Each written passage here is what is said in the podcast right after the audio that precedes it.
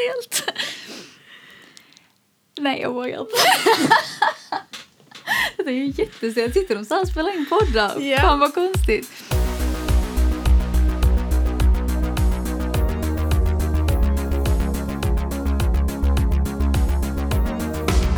Hej och välkomna till Keeping Up With Puberteten. Idag ska ni få lyssna på mig, Tova och min kompis här. Amanda. Och vi ska prata lite om de fysiska sakerna som sker i kroppen när man går in i puberteten. Eller hur, Amanda? Ja. Vi tänkte då eh, prata lite om bröst. Så ehm, det är kanske många som undrar vad ett bröst egentligen består av. Eh, och det är faktiskt så att det består av eh, mjölkkörtlar och mjölkgångar och fettvävnad. Så man kan tänka sig att i mitten av brösten så finns eh, mjöl- mjölkkörtlar då. Och eh, det är där mjölken bildas när man får barn och ammar. Och eh, sen har vi då mjölkgångarna som kopplas till eh, mjölkkörtlarna. Eh, som sen går ut i eh, bröstvårtan där barnet suger mjölk. Ehm, och sen så hålls det också ihop av bindväv och fettvävnad som jag sa. Och det är då det som sitter runt mjölkkörtlarna och som gör att eh, bröstet blir eh, större eller mindre hos olika. Under fostertiden så bestäms bröstanlag hos både flickfoster och pojkfoster. Och både flickor och pojkar då får bröstvårtor. Men eh, flickornas bröst utvecklas i puberteten beroende på hormoner. Alltså tjejer har ju andra hormoner än killar vilket gör att Eh, brösten växer. Sen börjar brösten växa eh, ungefär två år innan mensen börjar. Och eh, som jag sa innan så är, är detta på grund av hormoner. Det händer ju andra saker hos killar men just hos tjejer så börjar brösten växa. Så det kan man ha lite som ett eh, riktmärke för när man kommer få mens ungefär. Det stämmer inte på alla men på de flesta gör det det. Så när brösten börjar växa så kan man känna knölar runt bröstvårtorna. Och eh, det här kan göra lite ont, det kan klia lite. Det är absolut inget ovanligt. Det är också vanligt att det ena bröstet, bröstet växer snabbare än det andra. Men eh, det rättar oftast till sig när man blir äldre. Alltså när man har, eh, när man har växt till sig och hormonerna slutar sprudla i den takten som de gör under puberteten. Man kan också få bristningar på brösten när de växer. Och det är då alltså bristningar i huden. Eh, vad, vad kan man, Tova, vad kan man? Ja, Säg att det ser man ut kan som. säga lite, ser inte det ser lite ut som tigerränder? Jo. De är lite röda, alltså lite ljusrosa röda. Ja, ja men precis. Ja, Så att eh, det är absolut inget ovanligt. det kan man ju också få på andra ställen på kroppen tänker jag. När man Ja. alltså växer, dels för att man längden men också för att man får former och sånt så kan man ju få bristningar. Ja men precis. Ja, Det är väl många som inte vet vad det här är kan jag tänka mig. För jag, jag pratade med en kille faktiskt. Och han trodde att eh, det berodde på att man hade haft byxorna för tajt. oj, ja nej det, det gör det ju inte. Nej, jag visste faktiskt inte vad det var heller för till bara några år sedan för det var inte så vanligt att man pratade om det. Men sen när jag väl fick höra om det så jag bara, ja men jag har ju det, bara att jag hade aldrig tänkt på det. Nej, precis. Eh, och sen kan, är det väl många som kanske kan tycka det är, är fult eller att det känns jobbigt att ha det. För det blir ju som är. Mm. Men eh, det är väldigt vanligt. Det är jättenormalt och det är inte alls speciellt synligt för andra heller. Jag har ju aldrig tänkt Nej. på det på någon annan utan det är ju någonting man tänker på sig själv. Ja, men exakt. Eh, och som sagt så brukar de blekna med tiden. Precis som ett vanligt är. Ja, Men dessa beror då på hormoner och att huden runt till exempel brösten eller rumpan eller låren eh, stretchas ut precis. när man växer. Eh, Så det är inget konst- konstigt alls. Och bröst kan se ut på olika sätt. De kan ha olika storlek, de kan ha olika form. Ja, det är ingenting jag tycker är konstigt heller att ens bröst skulle ha en annan form än någon annans för det är ju jätteolika. Ja men precis. Jag, eh, jag har en liten bild här som inte ni lyssnare kan se. Men eh, de kan ju då vara olika stora, de kan vara spetsiga, de kan vara hängiga om de har blivit lite större. De kan vara små, de kan vara fasta. Ja, De kan ha, ja, de kan ha lite olika, lite olika form och det är ju eh, ingenting som är mer normalt än något annat. Mm, Det är samma sak med bröstvårtan tänker jag lite där. Det ser ju väldigt olika ut hos många också. Alltså både i färg och storlek och hur mycket den typ så petar ut eller vad man ska säga Mm. och sånt. Ja, Så exakt. det är ju verkligen jätteindividuellt. Ja, och om just du känner att du ser konstig ut eller annorlunda så eh, kan du trösta dig själv med att det finns många, många andra som ser ut som du eller liknande. Det är ingenting som du behöver oroa dig över. Och det är ingenting man ska jämföra heller. Absolut Nej. inte. Typ så omklädningsrum och så tänker jag. För att det, det är inget du ska jämföra för ni har olika anlag och ni kommer inte se likadana ut och det är ingenting ni ska göra heller. Men Tova, visste du att ungefär eh, 70% av kvinnorna är missnöjda med sina bröst? Nej, det visste jag faktiskt inte. jag visste väl att det var någonting man kunde ha komplex över.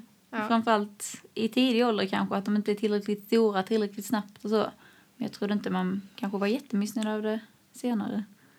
Nej, det är faktiskt jättemånga som är det. Eh, Så att eh, det är inget ovanligt alls.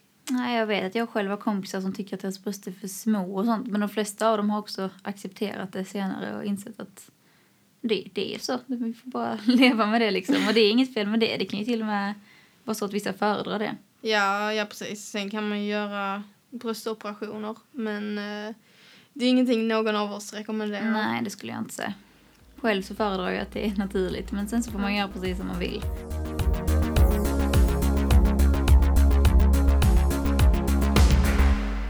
Jag ställer en liten fråga till dig här. Okej. I vilket land tror du att man har eh, störst bröst? Oj. I hela världen då? Oj. Det, måste, det känns ju som att det skulle vara något så här... Något land i Sydamerika, kan det vara så? Det var mycket kurvor och sånt. Nej, I England har man i faktiskt... eh, England, ja. Ja. Där har man hela D, E och F-kuper som säljs mest bland kvinnorna. Okej, ja. Mm. Där ser man. Vi kanske ska dra lite vad bokstäver och siffror står för i bh-storlek. Ja, det var ju någonting jag inte visste alls till att börja med. Nej, inte jag heller. Jag eh, tog med mig min mamma. Ja, men sen Mm. den också att eh, själva kupan blir ju större ju större omkretsen är. Det visste ju inte jag, så jag tänkte att jag skulle ha samma kupa beroende på omkretsen. ja, Jag förstår inte att den ändrades så att man behövde gå upp en storlek i kupan om man gick ner en storlek i omkretsen. Så det är ju någonting som hade varit bra att veta. ja alltså det är ju så här att vi har ju... Man, de flesta brukar börja på A, eller AA, om man börjar med bh. Eh, och det är då kupstorleken. Alltså den, det måttet du har liksom runt bröstet. Eh, och sen har du en siffra också. Oftast är väl det, vad brukar det vara, 65 kanske, eller 70 när man börjar första gången. Ja, fast det kan ju variera väldigt mycket tror jag. Ja. Mellan 65 och 75, men det är säkert, det är säkert folk som har 80 och så också. Ja, men, ja men precis. Ehm, och eh, den här siffran står då för måttet runt ryggen, kan Mm. man väl säga. Desto större mått du har runt ryggen, Ja. desto större blir kupan. Så säg att vi har en eh, 75A. Går du då upp till eh, en 80A, alltså ökar omkretsen runt ryggen, eh, så blir ju själva kupan större också. ja, så en A-kupa är inte alltid en A-kupa kan man väl säga då. Ja, men precis. Det var det jag kommer ihåg när jag var uppe lite större storlek. Jag var på C-kupa någonting sånt där. Så hade jag alltid haft 75 runt, men så skulle jag egentligen inte ha det. Jag hade bara haft det för att det lät normalt. Så visade min kompis mig att ja, men det finns mindre, du kan ha 65. Och Då fortsatte jag ju med C i den, men det visade sig att min bh var alldeles för liten då. Men jag fortsatte ju ha den för jag ville inte ha D-kupa, för jag tyckte det lät för stort. Tänkte jag kan ju inte ha det. Men det kan man ju då i och med att den faktiskt är mindre. Den är ju inte som en 75D, utan det är ju kanske som en 75 C- ja, B. Jag vet inte riktigt hur man ska jämföra det. Den Vad är- har du? 65? Nej, jag hade det då, ja. Ja, och nu har du 70-75. 75D. Ja, Ja, för en 70D blir ju som en eh, 75C ja, precis. kan man säga. Men eh, det är faktiskt så att eh, 85% av alla kvinnor i hela världen använder eh, fel storlek på bhn. Mm, Så jag det kan jag vi, tänka mig. jag tänkte vi kunde dra eh, lite... Alltså hur man hittar rätt bh. Jag vet inte om du vet det. Nej, jag minns ju att jag hade för liten då väldigt länge eftersom att jag inte ville ha en D-kupa för att jag tyckte att det lät för mycket. Så jag ville hålla mig till C-kupan. Men i och med att jag hade insett att jag skulle ha mindre runt om så var den ju alldeles för liten på mina bröst också. Så att en gång så kom jag och gick in på en underklädesaffär med min kompis och sa jag det, jag ska ha ja, 65C eller vad det var, någonting i den stilen. Hon bara, nej det ska du nog inte. och så gick hon in med både D och E-keeper och sånt och jag bara, herregud jag kan inte ha dem. Men de satt ju så mycket bättre. Ja.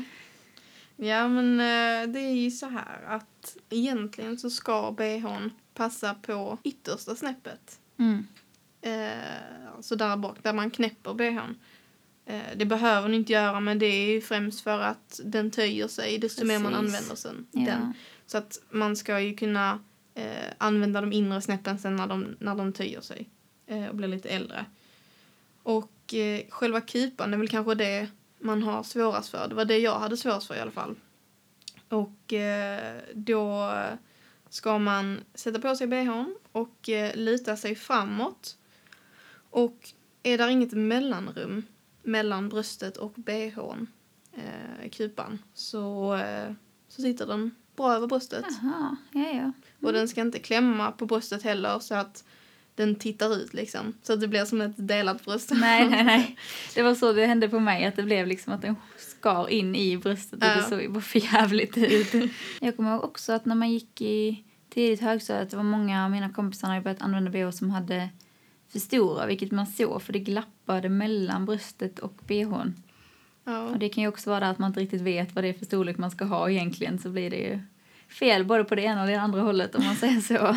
Ja, jag kan faktiskt berätta en lite rolig historia. Det var så att när jag gick i sexan så var det väldigt eh, populärt bland oss tjejer att ha bröst. Eh, Och jag var till och med en av de första som skaffade bh. Så att då ville jag såklart visa att jag hade bh. För att det var ju lite, det var lite inne att ha stora bröst. Ja. Så då eh, köpte jag en för stor bh. Sen la jag papper i den. Nej, Amanda. ja, Man kan bli lurad på utsidan kan Ja. det, det går att göra.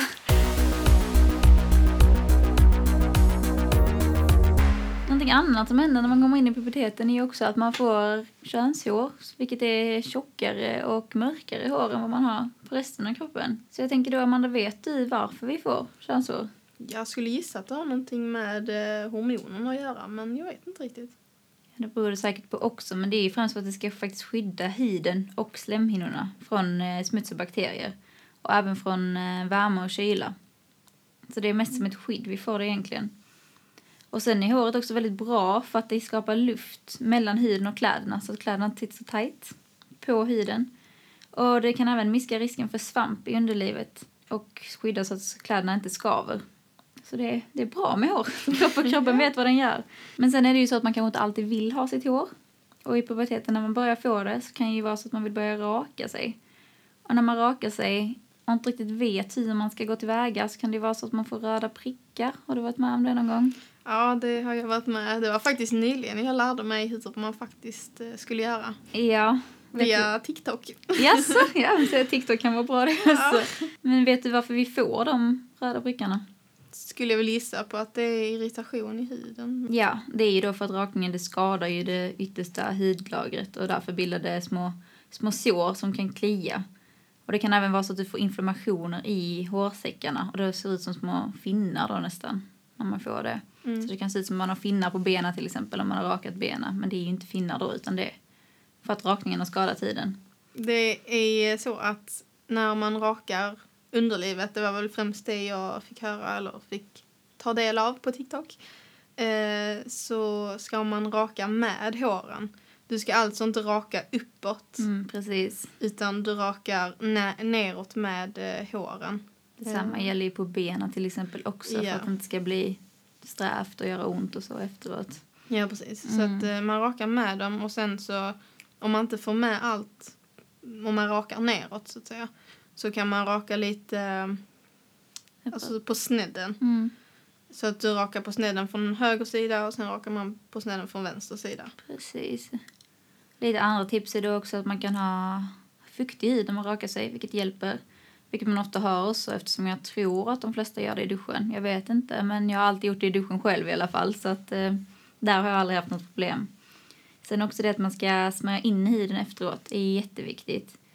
Och då om man ska smörja in sig på underlivet då så använd en återfuktande kräm som är oparfumerad. Så att du inte på något sätt spiller irritation. Och på så sätt kan du också undvika de röda prickarna. Sen har vi någon annan myt, tror jag vi båda vet att det är ni, att man får eh, tjockare och mörkare hår efter att man har rakat sig. Och det stämmer ju inte. Nej, det stämmer Mm, verkligen nej. inte. Vet du var den myten kommer ifrån från första början? Nej du. Nej, utan då är det ju så att när håret växer tillbaka så kan det ju kännas kort och stubbigt. Eller kraftigt rättare sagt, för att det då är stubb. Det är korta hårstrån. Men när håret sen växer ut och lägger sig så blir det ju mjukt och så precis som det var innan. Men då eftersom vi inte är vana vid att håret är så kort och stubbigt så känns det ovant och då tror vi att nej, nu har jag fått tjockare hår och mitt hår har ändrats. Men om du skulle låta det växa tillbaka skulle det bli precis som det var innan. Jaha. Så Ja. det, håret ändrar inte kvalitet av att man rakar det. Så skulle du på något sätt vilja ha tillbaka ditt hår igen efter du börjat raka dig så du bara låter det vara. Så blir allting som det var från början. ja, jag hade faktiskt en kompis när jag var lite yngre. Och hennes mamma, hon sa att eh, man skulle inte raka sig för att håret blev tjockare. Mm. Så att eh, först så började jag med att klippa det. Oj, ja, ja. Den, den var ny faktiskt. Ja, ja. nej men jag vågade inte raka det för att jag Nej, trodde verkligen att det skulle jag. bli tjockare. Men jag kommer ihåg att jag hörde det också att eh, någon gång så jämförde vi så här, det var i och för sig på benen, men jag och en kompis håret. Och hon hade mörkare hår än vad jag har, för jag har väldigt ljust hår. Jag är blond och så också ju, men så sa hon det att mitt hår är så mörkt för att eh, jag rakar det, så det blir mörkt av att det växer tillbaka. Och så sa jag det då att jag, jag har inte fått mörkare hår att eh, jag rakar det. Hon bara, nej men då kanske du inte rakar det lika mycket. Så så här, nej. Det trodde jag väl på det då också, men det är som sagt det är inte sant alls. Utan det är bara att ha stubb. Och stubb är ju, känns ju strävare eftersom det inte ligger ner utan det står upp. Ja, ja men precis. Ja. Så raka dig om du vill, men det är absolut inget du måste eftersom håret är ju där av en anledning och det är bra att ha det. Men själv förstår jag om man inte vill det och i så fall bara raka försiktigt och smörja in efteråt, återfukta bra. Ja, Mm. det är väl de tipsen vi kan ge. Precis. Ehm, Jag tänkte att ehm, vi går vidare till nästa ämne. Det tycker jag.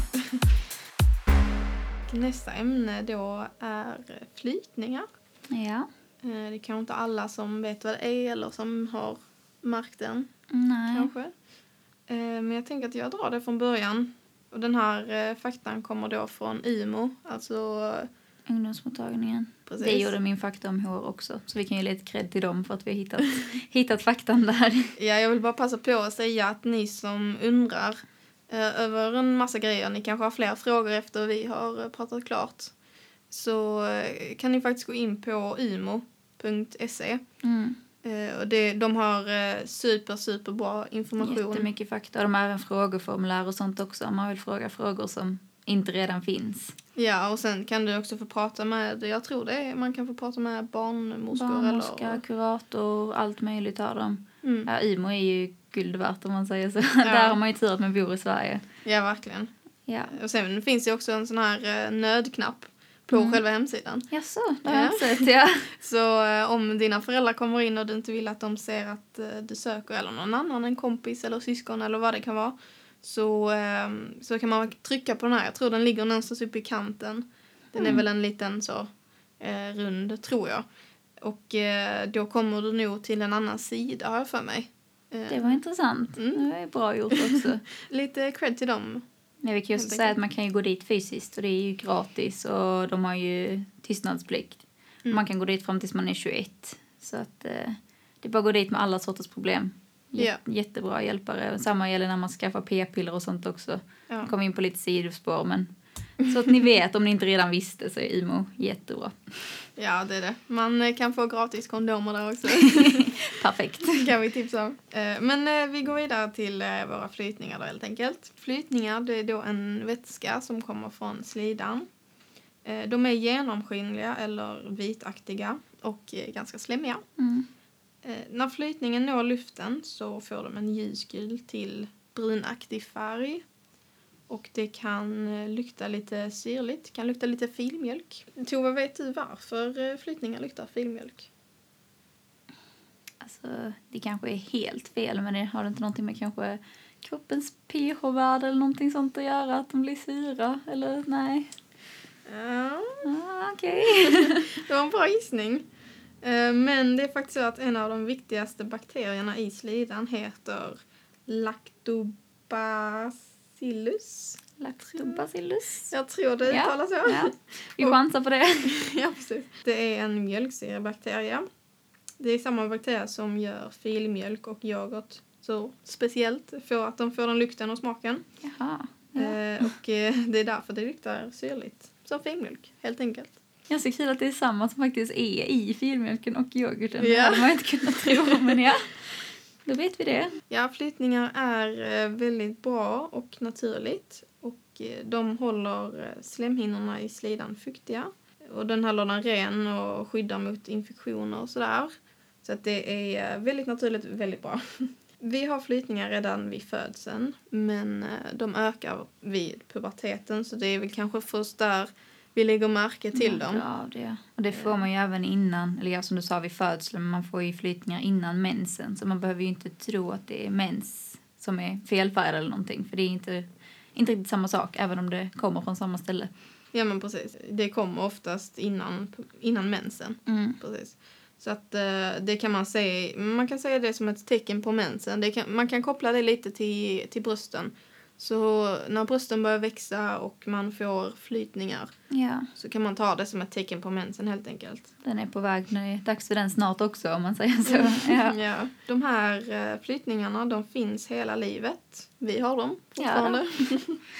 Eh, och eh, de minskar när man blir äldre. Det är väldigt personligt hur mycket flytningar man får.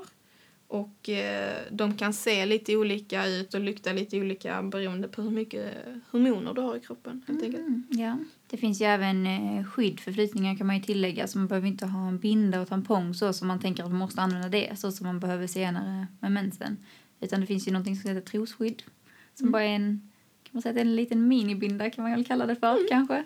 Som är jättebra hjälper till om man inte vill ha allting i trosan. Då det kan komma ganska mycket ibland. Gjorde Ja. det för mig i alla fall. Då kan vi ställa en följdfråga på det faktiskt. Så ja. Eh, hur mycket flytningar tror du att kroppen producerar per dygn? Alltså det är ju säkert så här jättemycket mer än vad man tror nu. Hur mycket flyttningar? Alltså en mängd, en mängd då. Ja. Ja. Mm. Deciliter.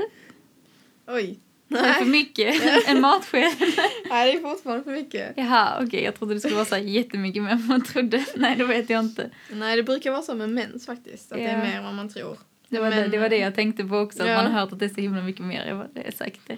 Nej, det är faktiskt så att det är mellan 1 och 4 milliliter per dygn. Eh, och för att ge lite... Eh, Perspektiv. precis. Så kan man säga att en tesked är 5 milliliter. Så lite mindre än en tesked per dygn då. Mm. Nej, det var inte så mycket. En halv, en halv tesked. Fast det här kan jag ju säga att det är väldigt individuellt. För Ja. att jag, kan ju, jag kan, måste ju få mycket mer än det där. Mm, I alla fall eh, i vissa perioder. Ja. När man har ägglossning och så, så kommer det ju mycket mer flytningar. Ja, precis. Det kan ju bero lite på vart du är i menscykeln. Ja, eh, som du sa. det var det nu vi hade att säga idag, ja.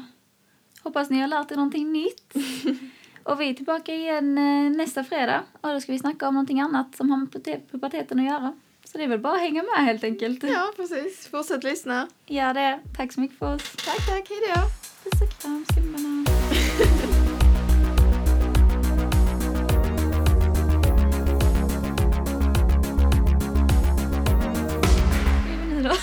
Eller yes. Åh, oh, jävlar. Jävlar vad det ökar. Klara? Ja. Trevligt. Ja. Fy fan.